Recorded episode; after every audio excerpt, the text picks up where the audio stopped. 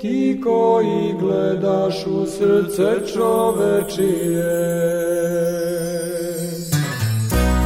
Emisija posvećena duhovnim vrednostima. Pirk od 10 časova na Radio Glas.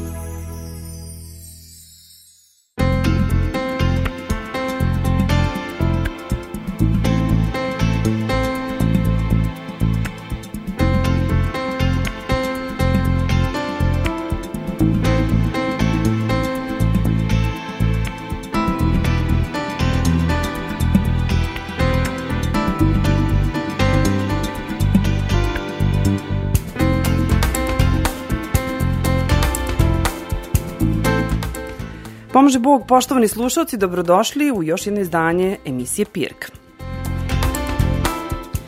Nije dugo prošlo od kada je objavljena jedna zaista mm, obimna istorija pravoslavne eparhije Niške, prva takva e, u eparhiji Niškoj i dalje od toga svakako, čiji autor e, protođakon Dalibor Milić, a evo nama još jednog zaista vrednog i važnog dela, Ovo je treći do sada najpotpunija knjiga o svetom ispovedniku Dositeju, koja je izašla na srpskom govornom području i na tome zaista možemo da zablagodarimo pre svega našem prosvećenom episkopu Niškom gospodinu Arseniju, čiji ideje jeste bili blagoslov da ovo bude jedna sveobuhvatna monografija o ovom divnom Božjem ugodniku, a svakako veliku zahvalnost dugujemo i velikom trudbeniku naše eparhije, protođakonu Daliboru Miviću, koji je naš današnji sagovornik. Pomaže Bog, oče đakone, dobrodošli u naš studio. Bog vam pomogao, bolje vas našli, hvala vam na pozivu.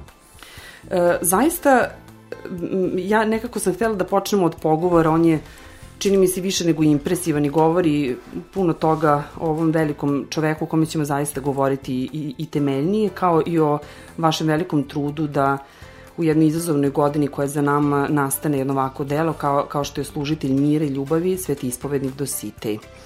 Episkop, pastir, duhovnik, misionar, prosvetitelj, dobrotvor, erudita, propovednik, ispovednik, mučenik, Prvojerarh samo su neke od reči koje mogu opisati život i delo svetog Dositeja Vasića, episkopa Niškog i mitropolita Zagrebačkog.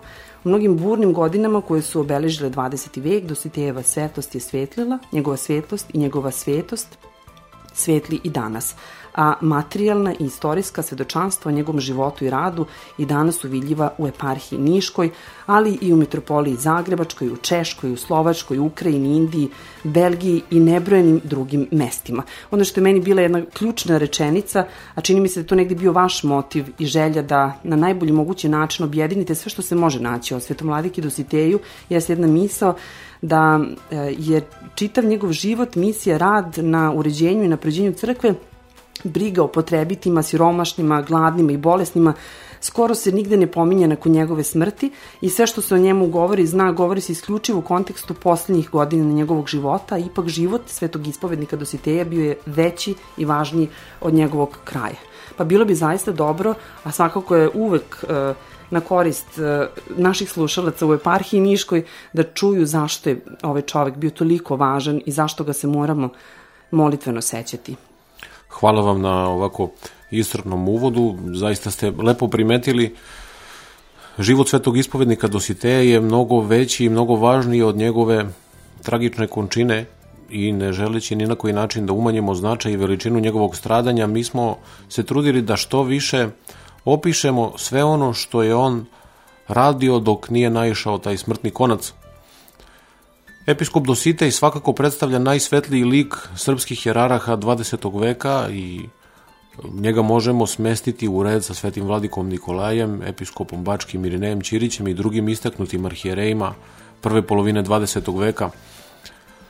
Ono u čemu je njegova veličina, kako se to lepo primetili, je bila ta da je on na svim sferama crkvenog života bio izuzetno aktivan.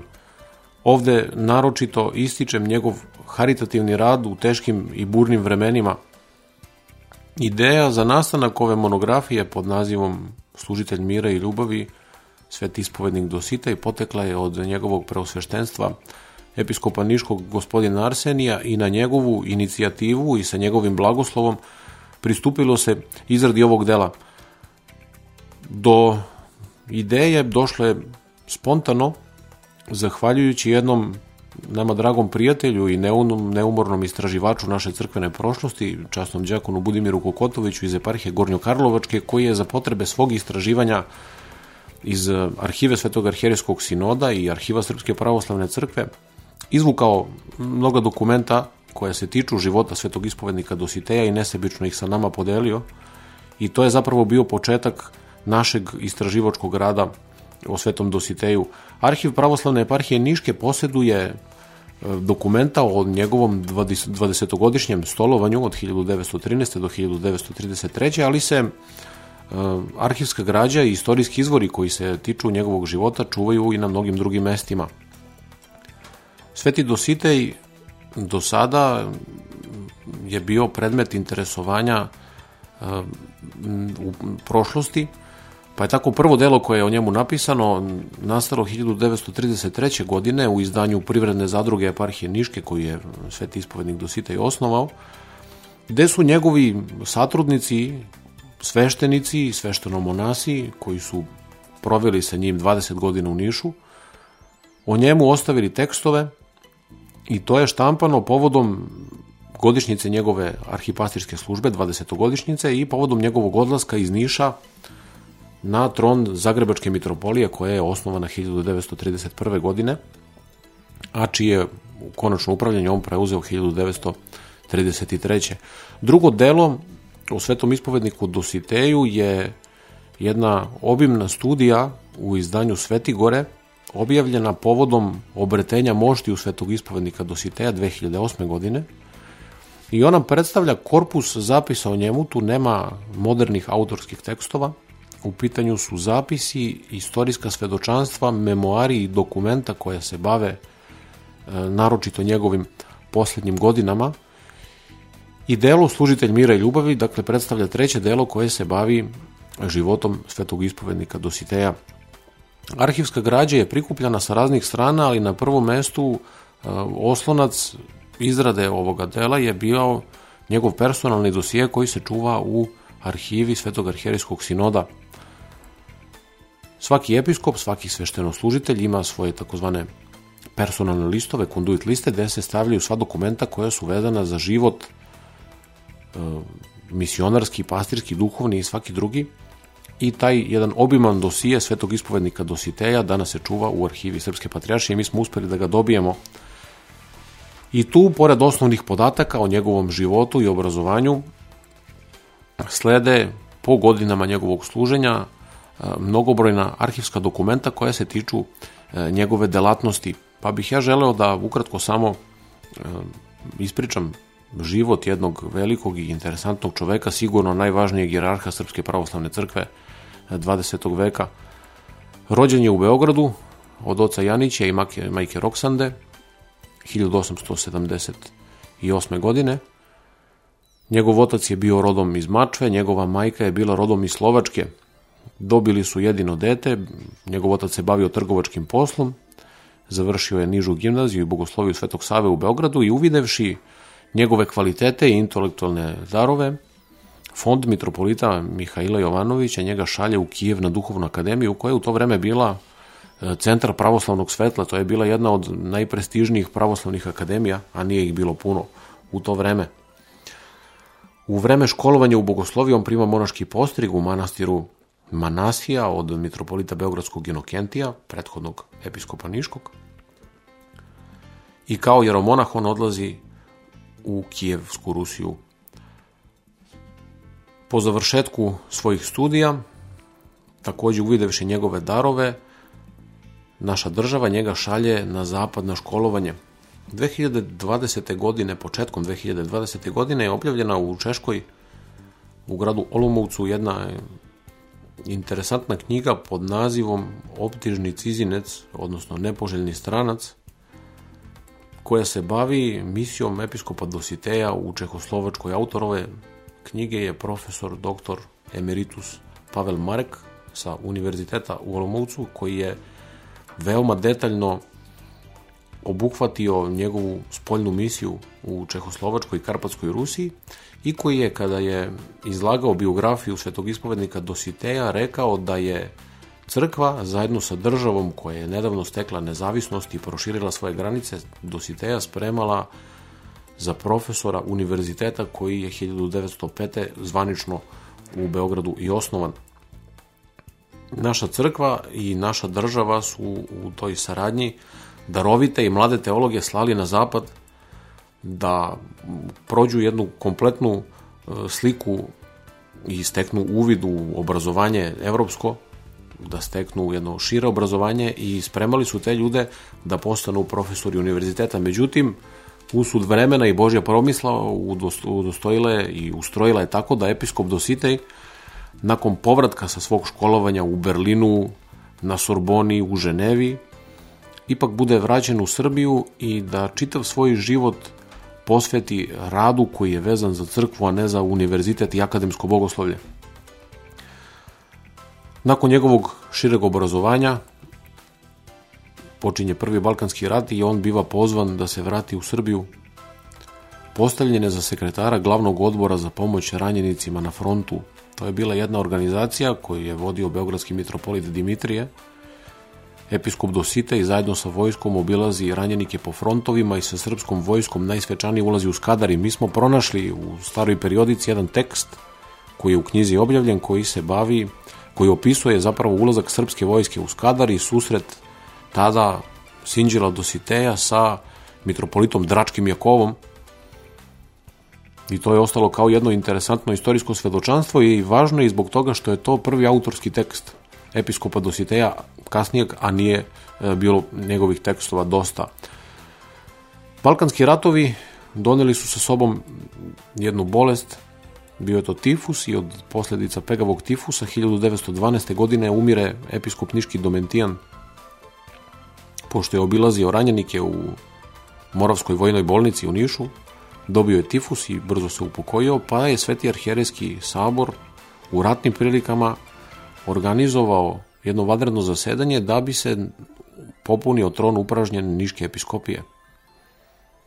Dva kandidata koja su bili predloženi ovom saboru bili su jeromonah Nikolaj Velimirović koji su u to vreme nalazio u Engleskoj i Dositej Vasić, profesor bogoslovije u Beogradu. Izbor je pao na Dositeja i ovaj njegov izbor potvrdio je i kralj Petar I. Karadžorđević. Odmah po završetku drugog Balkanskog rata ustoličen je u Niškoj sabornoj crkvi u oči duhova 1913. godine i već odmah po njegovom dolasku tadašnja štampa i javno mnjenje u njemu je videlo čoveka koji će u potpunosti preobraziti crkveni život jugoistočne Srbije i tada velike i slavne niške episkopije, čije su se granice prostirale od Trstenika do manastira Prohorpčinski i od Pirota do Kosova. Bila je to ogromna eparhija u čijem su se sastavu našli i Vranje, i Kruševac i drugi veliki gradovi. 1913. godine u Nišu je vladala kolera, ali episkop Dositej uprkos teškoj pandemiji i velikom broju umrlih u gradu uspeo da organizuje proslavu 1600 godišnjice Milanskog edikta, I taj veliki događaj u stvari predstavlja početak njegovog arhijereskog služenja. Uspeo je da u Niš dovede sve velikane tadašnjeg pravoslavnog sveta. U Nišu se tada obreo i mitropolit Dimitrije, svi srpski episkopi, regent Aleksandar Karađorđević, Nikola Pašić, predstavnici Ruske crkve, Rumunske crkve, Karlovačke mitropolije, Grčke crkve, Carigradske patrijaršije, dakle predstavnici svih pravoslavnih crkava bili su u Nišu i ono što je kuriozitet, to je da je sa tog događaja ostao sačuvan jedan obiman i dugačak video zapis koji se čuva u arhivu Jugoslovenske kinoteke i koji je slučajno pronađen u jednoj kameri 2012. godine. Završivši proslavu Milanskog edikta dolazi 1914. godina i poznati prvi svetski rat o stradanju civila, sveštenstva i pravoslavne crkve na ovim prostorima mi smo govorili, ali o stradanju Svetog Dositeja nismo. Već prvih dana po okupaciji on biva interniran i odveden u ropstvo, ali pre nego što je sve to usledilo, Niš je godinu dana bio ratna prestonica i iz tog vremena ostala su svedočanstva ljudi koji su se u Nišu obrali i na prvom mestu mislimo na ruskog generala i barona Nikolaja. Zatim na misiju Kolumbije univerziteta u Americi na neke druge slavne ljude koji su ostavili svoj trag u tom periodu Prvog svetskog rata kada je Niš bio ratna prestonica, ali i u zapise, dragocene zapise o Svetom Dositeju i o svemu onome što je on radio u toj prvoj ratnoj godini. Oktobra 1915. godine srpska vlada, budući da je i Bugarska ušla u rat, rešava da se povuče preko Kosova i Albanije u Grčku. Narod biva prepušten sam sebi, a u Nišu ostaje sveti ispovednik Dositej. Jedno važno i dragoceno istorijsko svedočanstvo o tom periodu ostalo je zabeleženo kod e, jednog člana misije Kolumbija univerziteta, Douglasa Merivedera Dolda, koji je ostavio do sada neobjavljeno svedočanstvo o ulasku bugarske vojske u Niš i o tome kako je episkop Dusita i bugarsku vojsku sačekao. Ovo istorijsko svedočanstvo je veoma dragoceno jer do detalja opisuje sve ono što se dogodilo. U vreme njegove internacije u Bačkovskom i Sokolskom manastiru bugarske okupacione vlasti na prostoru Niške eparhije načinili su masakr nad pravoslavnim sveštenicima i sveštenomonasima. Na prostoru okupirane Srbije stradalo je preko 300 sveštenika u Prvom svetskom ratu, a sve to vreme Vladika Dositej bio je u internaciji. Kako pišu njegovi sastradalnici iz internacije, sigurno je da bi njega zadesila takva sudbina da se nisu za njega interesovali njegovi prijatelji iz inostranstva, na prvom mestu Međunarodni tribunal u Hagu, zatim e, poslanstvo Vatikana u Bugarskoj i mnogi drugi preko ličnih veza pokušali su da saznaju šta je s njim i da na taj način, raspitavši se o njemu, na neki način oni obezbede bar privremeno njegov život. Kraj Prvog svetskog rata njega zatiče u internaciji, svi internici su oslobođeni i on se oktobra 1918. godine preko Pirota vraća u Niš. O svom stradanju i životu u bugarskoj internaciji on nikada nije govorio, niti je iza njega, osim jedne fotografije, ostalo zabeleženo bilo šta. Jedno tragično stanje koje je zatekao nakon završetka Prvog svetskog rata u Nišu, njemu je otvorilo polje za veliki humanitarni, haritativni i misionarski rad. On angažuje sva svoja poznanstva u svetu, a na prvo mesto ovde mislimo na Srpski potporni fond koji je nastao u Londonu, na hrišćansku zajednicu mladih ljudi koja je tada bila jedna vaseljenska organizacija koja se bavila vaspitanjem hrišćanske omladine preko istaknutih udruženja i pojedinaca da pomogne obnovu Niške episkopije i uopšte obnovu e, srpske sirotinje koja je ostala na milost i nemilost e, posleratnim prilikama. U tom smislu on rešava da u Nišu osnoje dom siročadi i kao što ćemo kasnije videti, on će u toj svojoj ideji uspeti, ali je u prvim posleratnim godinama on veoma brzo uspeo da konsoliduje crkveni i duhovni i materijalni život Niške episkopije i to je učinio tako što je u Srbiju primio veliki broj Rusa. Kraj Prvog svetskog rata doveo je do pada carske Rusije, bolševici su preuzeli vlast, carska porodica je pobijena i jedan veliki broj ruske elite iz nekadašnje carske Rusije beži u kraljevinu Srba, Hrvata i Slovenaca. Episkop Dositej bio je i predsednik odbora za pomoć gladnima u Rusiji, ali i predsednik odbora za prijem ruskih izbeglica. Upražnjene parohije pobijenih sveštenika on popunjava Rusima i o tom periodu njegovog života ostala su zabeležena svedočanstva velikih ruskih hierarha, na prvom mestu mislimo na arhijepiskopa Evlogija Georgijevskog, zatim arhijepiskopa Anastasija Gribanovskog, to su bili ljudi koji su bili poglavari Ruske zagranične crkve kasnije, dakle istaknuti jerarsi, veoma e, ugledni, školovani, e, važni ljudi pravoslavne crkve 20. veka.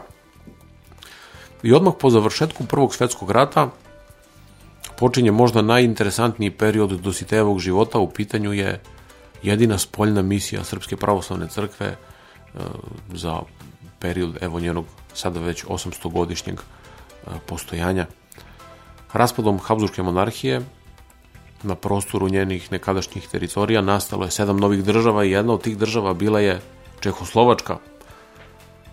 Česi i Slovaci ujedinili su se u jednu zajedničku državu, a 1919. godine je toj državi pripojeni deo današnje Ukrajine koji se istori, to je takozvana istorijska oblast Karpatska Rusija. Nova država želela je da prekine sve veze sa Habsburgskom monarhijom i oni su u rimokatoličkoj crkvi videli jedan simbol robstva, robovanja iz prošlosti, pa su tako oni osnovali nešto što se zvalo Češka reformna crkva. Oni su zahtevali reformu bogosluženja, ukidanje celibata za sveštenike, bogosluženja na narodnom jeziku. Rimokatolička je crkva sve ove njihove zahteve odbila i oni su rešili da proglase šizmu, da se odvoje od rimokatoličke crkve i da se priklone nekome, Jedan deo Čehoslovačke narodne crkve odlučio je da se obrati Srpskoj pravoslavnoj crkvi i da se prikloni Svetom pravoslavlju, videvši u pravoslavnoj crkvi nešto što je zaista blisko slovenskom narodu, a videvši u Srbiji jednu državu, bratsku, koja s druge strane, za razliku od Rusije, nije mogla nikako da utiče na unutrašnje političko i društveno uređenje Čehoslovačke države koja je sebe odmah nakon proglašenja proglasila sekularnom. Čehoslovačka misija započinje zahvaljujući svešteniku Milivoju Crvčaninu, jednom internircu koji je prvi svetski rat proveo u Jindrihovicama, to je bio vojni logor u današnjoj Češkoj, a koji je posle Prvog svetskog rata postao profesor Praškog konzervatorija, bio je kompozitor i bavio se muzikom, naročito crkvenom muzikom, A ono što je još interesantno je da je on rukopoložen za sveštenika 1915. godine u Nišu rukom episkopa Dositeja. Božja promisa uredila je da se predstavnici Čehoslovačke crkve obrate svešteniku Milivoju Crvčaninu, a po povratku iz internacije vladika Dositej dobio je tuberkulozu i bio je na lečenju u Karlovim varima, tako da je gospod uredio da se svi oni nađu na jednom mestu i to je zapravo početak Čehoslovačke misije. Najveći deo ovog dela služitelj mira i ljubavi, u stvari obuhvata period njegove misije u Čehoslovačkoj i to je nešto što smo želeli da posebno istaknemo, budući da je on upravo postavio temelje pravoslavnoj crkvi Češke i Slovačke koja i danas postoji, koja broji e, mnogo vernih, da je on bio čovek koji je obnovio monaštvo u Karpatskoj Rusiji koje je bilo zamrlo od srednjeg veka, da je njegova misija koja nije do kraja istražena u domaćim naučnim krugovima bila veoma važna i želeli smo da na osnovu dostupne arhivske građe mi u potpunosti obradimo period njegove spoljne misije. I zbog toga je taj deo toliko obiman jer predstavlja jedan važan deo i za istoriju pravoslavne crkve na vasiljenskom nivou, za istoriju Srpske pravoslavne crkve 20. veka, ali i za, e, to je jedan značajan prilog biografiji episkopa Dositeja kako smo krenuli da se bavimo tim periodom njegovog života, gospod je otvorio i nama put, pa smo iz Češke, Slovačke i Ukrajine uspeli da dobijemo mnogo arhivskih dokumenta, arhivske građe, dragocenih fotografija sa njegove misije i sve to nešto što se po prvi put u ovoj knjizi i pojavljuje. Završivši svoju misiju u Čehoslovačkoj, episkop Dositej se vraća u Niš i nastavlja svoj rad na organizaciji crkvenog života. Pomenuću samo da se od materijalnih historijskih svedočanstava njegovog života i postojanja na našim prostorima danas mogu videti takozvani engleski dom na Panteleju, to je bio dom ratne siročadi, zatim spomenik na Čegru, Pomenuću samo da je inicijator spomenika oslobodiocima Niša bio upravo on, spomenik kralju Aleksandru koji se nalazi na istojemenom trgu, Inicijativa je episkopa Dositeja, koji je tada bio mitropolit Zagrebački, mnogo spomenika, mnoštvo hramova i danas su svedoci njegovog predanog rada eparhiji, u eparhiji Niškoj. Čak 40, ako se ne verujem, oko 40. Za, za 20 godina njegovog stolovanja, da, podignuto je preko 40 hramova na prostoru Niške episkopije, što je za poslednji period o kome govorimo, što je za period velike globalne, setit ćemo se da je tada bio krah berze i da je nastupilo jedno užasno vreme u svetu, za to vreme on je uspeo da uradi nešto što niko nije uspeo ni 100 godina kasnije. Njegov rad u eparhiji Niškoj važan je i u smislu obnove monaštva, budući da i to nešto malo muškog monaštva koje u Prvom svetskom ratu postojalo, prestalo je da postoji s njegovim krajem, budući da su svešteno monasi pobijeni, episkop Dositej uspeva da na prostoru čitave Srbije, ali naročito na prostoru Niške eparhije obnovi monaštvo. I ovo je učinio tako što je primio ruske monahe i monahinje, ali zbog toga što je u jednoj bliskoj saradnji sa igumanijom Melanijom Krivokućin uspeo da u Niškoj eparhiji osnoje manastire koji su bili e, ispunjeni sestrinstvom koje je bilo srpskog porekla i srpskog roda. U manastiru Ostrovici i manastiru Lipovcu on osnijeva domove mira, to su bila lečilišta za slepu decu gde su e, obrazovani i školovani vaspitači brinuli o slepoj deci, a ta deca su izdržavala svoje domove rukodeljem. On je svesrdno pomagao i podržavao njih i zaista sav doprinos njegovom životu i radu ne može se smestiti između dve korice, jer je njegova e, misija i njegovo angažovanje na svim poljima društvenog i crkvenog života bila zaista velika, ali sve ovo što sam napomenuo samo su neke kratke crte svega onoga što je on kao episkop Niški uspeo da uradi. Zaista samo kratke crte, neki detalji su toliko impresivni i verujem da, da će mnogi biti zadivljeni ličnošću svetog vladike Dositeja. I ja bih ostavila njima da, da, da čitaju i da pronalaze neke delove za koje možda nisu ni znali da, da su se dogodili i nisu ostali zabeleženi u našem, našem kolektivnom pamćenju, ali ako nešto najbolje čini mi se oslikava naslov ove knjige Služitelj mira i ljubavi možda jeste ne ono što je činio, nego kako je činio i sa koliko e, smirenosti je podnosio sve ono što mu se dešavalo. On je zaista mnogo toga trpeo e, i, i na početku svoje episkopske službe. Zapravo ceo njegov život je bio obeležen e, nekakvim stradanjima koje on podnosio i pune postradao i on i eparhija kojom je upravljao eparhija Niška i od strane Bugara i svi mi negde u srcu imamo e, i, i neku pomisao da, da nam nije pravo zbog svega toga i da ne zaboravljamo, ali ne na, na način da baš praštamo u potpunosti, za razliku od svetog vladike Dositeja koji je imao jednu neverovatnu smirnost koja je nama danas duše korisna. On je toliko mnogo radio na tome da se odnosi poprave između Srbije i Bugarske. Pomenuću samo jedan, jedan detalj koji je prenala tadašnja štampa Kraj Prvog svetskog rata u Bugarsku je doveo velike unutrašnje nemire. Naravno da nisu svi Bugari bili e, naši dželati. Naravno da je tamo bilo mnogo dobrih i svetih ljudi koji su žalili zbog krvoprolića dva bratska naroda, ali su 1919. 20. i 21. godine Bugari imali velike unutrašnje nemire, a to je sve bila posledica nezadovoljstva zbog završetka rata, zbog načina na koji se carska bugarska porodica i uopšte bugarska vlada toga vremena obhodila prema ratu, ali i prema posleratnim uslovima posle Nejskog mirovnog ugovora. Posledice ruske revolucije osetile su se i u Bugarskoj, pa je tako pukao septembarski ustanak. 90.000 izbeglica je iz Bugarske prebeglo u Srbiju. Jedan veliki broj tih ljudi se obre u Nišu, njima je rešio da pritekne u pomoć odbor za pomoć Rusima. I zabeležen je jedan zapisnik sa sednice, prve sednice tog odbora u Nišu, kada su mnogi negodovali e, pomoć koja se daje bugarskim izbeglicama. I kako taj zapisnik svedoči, episkop Dosita je uzeo reč i rekao je da sigurno među tim ljudima koji su ovde došli ima i naših dželata, ali da njih ne treba posmatrati kao naše neprijatelje, nego kao potrebite ljude kojima treba pomoći.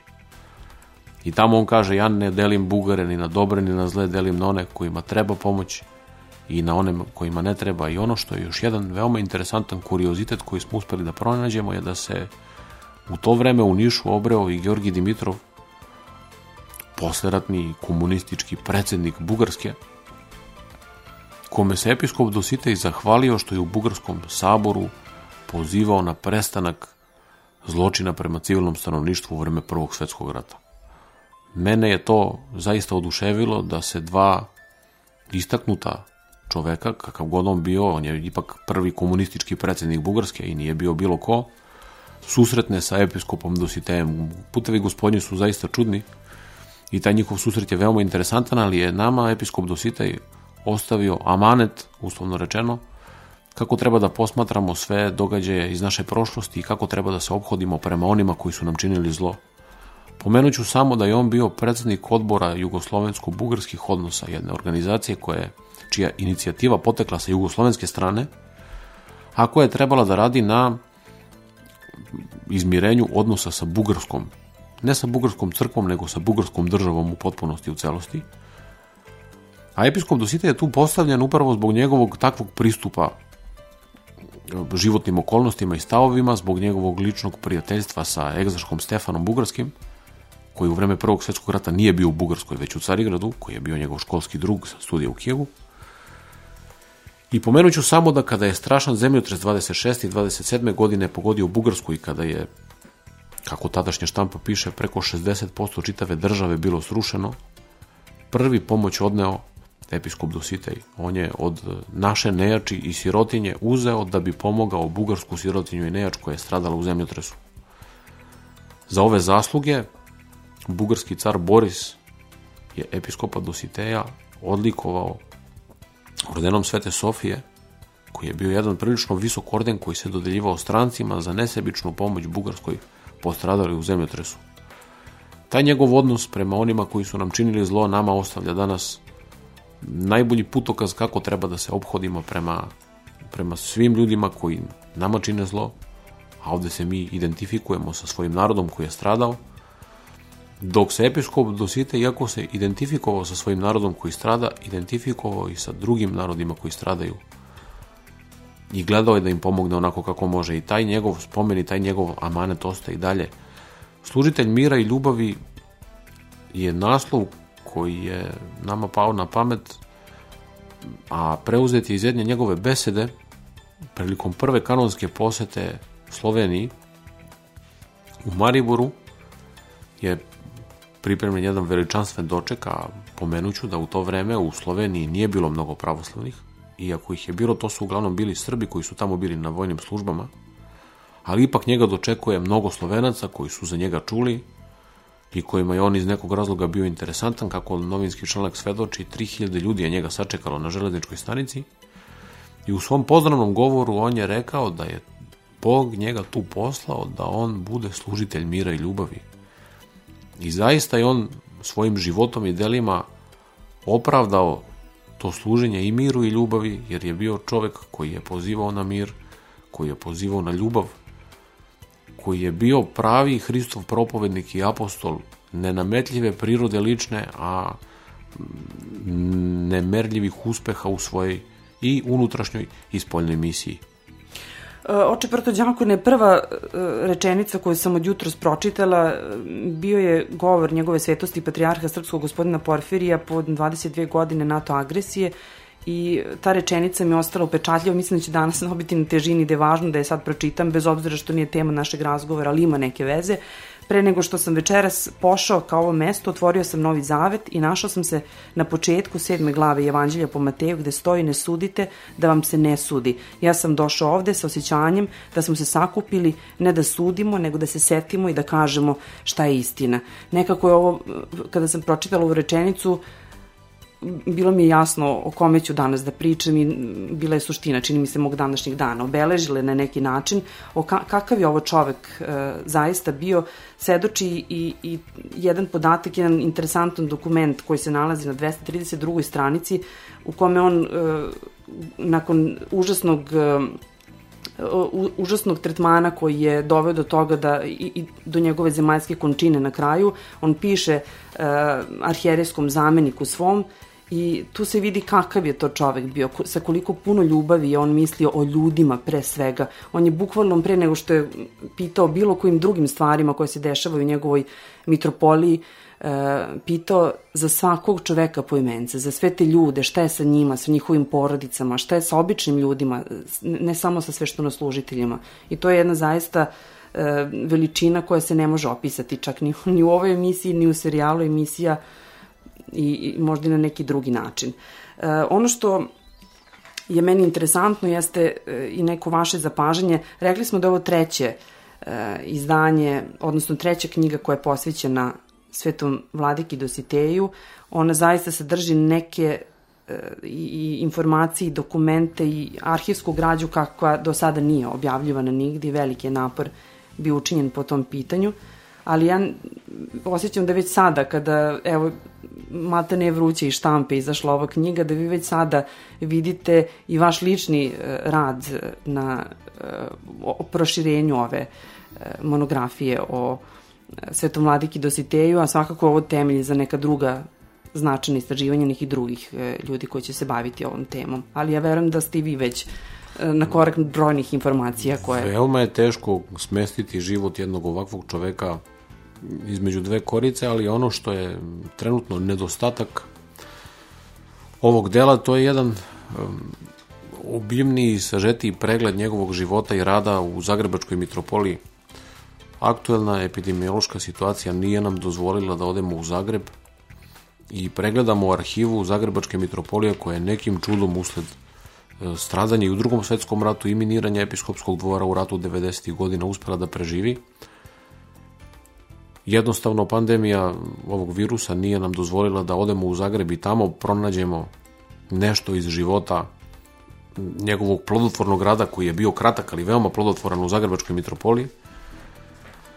I bukvalno tog dana kad je knjiga izašla iz štampe iz uh, Ukrajine, iz Užgoroda, profesor Juri Danilec sa nama je podelio preko hiljadu dokumenta koji se tiču njegove misije i njegovog misionarskog rada u Karpatskoj Rusiji koja danas pripada Ukrajini i pravoslavnoj crkvi u Ukrajini pod moskovskim patrijarhatom. Tako da će ovo delo sigurno doživeti dopunu jer ono nije sveobuhvatno, ima mnogo nedostataka, ali se radujemo što smo uspeli da na neki način doprinesemo i donemo, donesemo još jedan prilog biografiji jednog od sigurno najvećih jeraraha Srpske pravoslavne crkve za čitavo vreme njenog postojanja, jednog čoveka koji je nije štedeo sebe u misiji crkve, nije štedeo sebe u samopregornom i žrtvovanom radu za druge i nadamo se da će ova knjiga biti na prvom mestu duše korisna svima jer ona predstavlja i nama putokaz u životu kako se treba obhoditi, iako je ovo jedno, eto da kažem, ajde, nas, naučno i istorijsko delo, ono takođe predstavlja jedan prilog žitiju i to je jedna žitijska knjiga o životu od početka do kraja jednog velikog i zaista e, svetog čoveka. Sveti vladika Dositej e, je uvršten u red svetih Srpske pravoslavne crkve 22. maja 1998. godine, ako se ne varam, ispravite me ako grešim moguće oko ovih istorijskih podataka.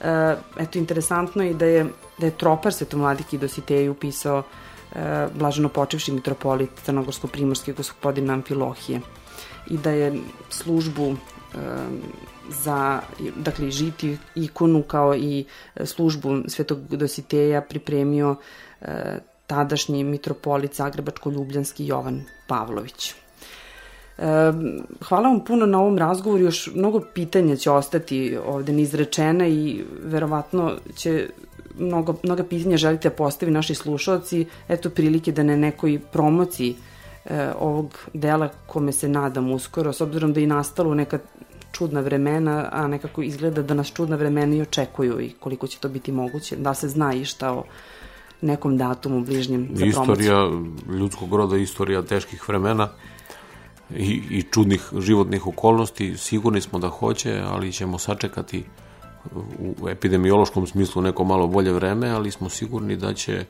ova knjiga izazvati interesovanje kod ljudi koji su možda nekada čuli ili nikad nisu čuli za njega, ali se nadamo da će ljudi saznati iz ovoga i naučiti nešto, naročito grad Niš u kome je on ostavio neizbrisivi trag. Mi svakog dana prolazimo pored nečega što je njegova zasluga, toga nismo ni svesni i nadamo se da će probuditi interesovanje ne za knjigu, nego za ličnost i život i delo episkopa Dositeja, a sigurni smo da će promocija u neko dogledno vreme i biti obavljena i svakako ćemo obavestiti sve zainteresovane o ovom događaju.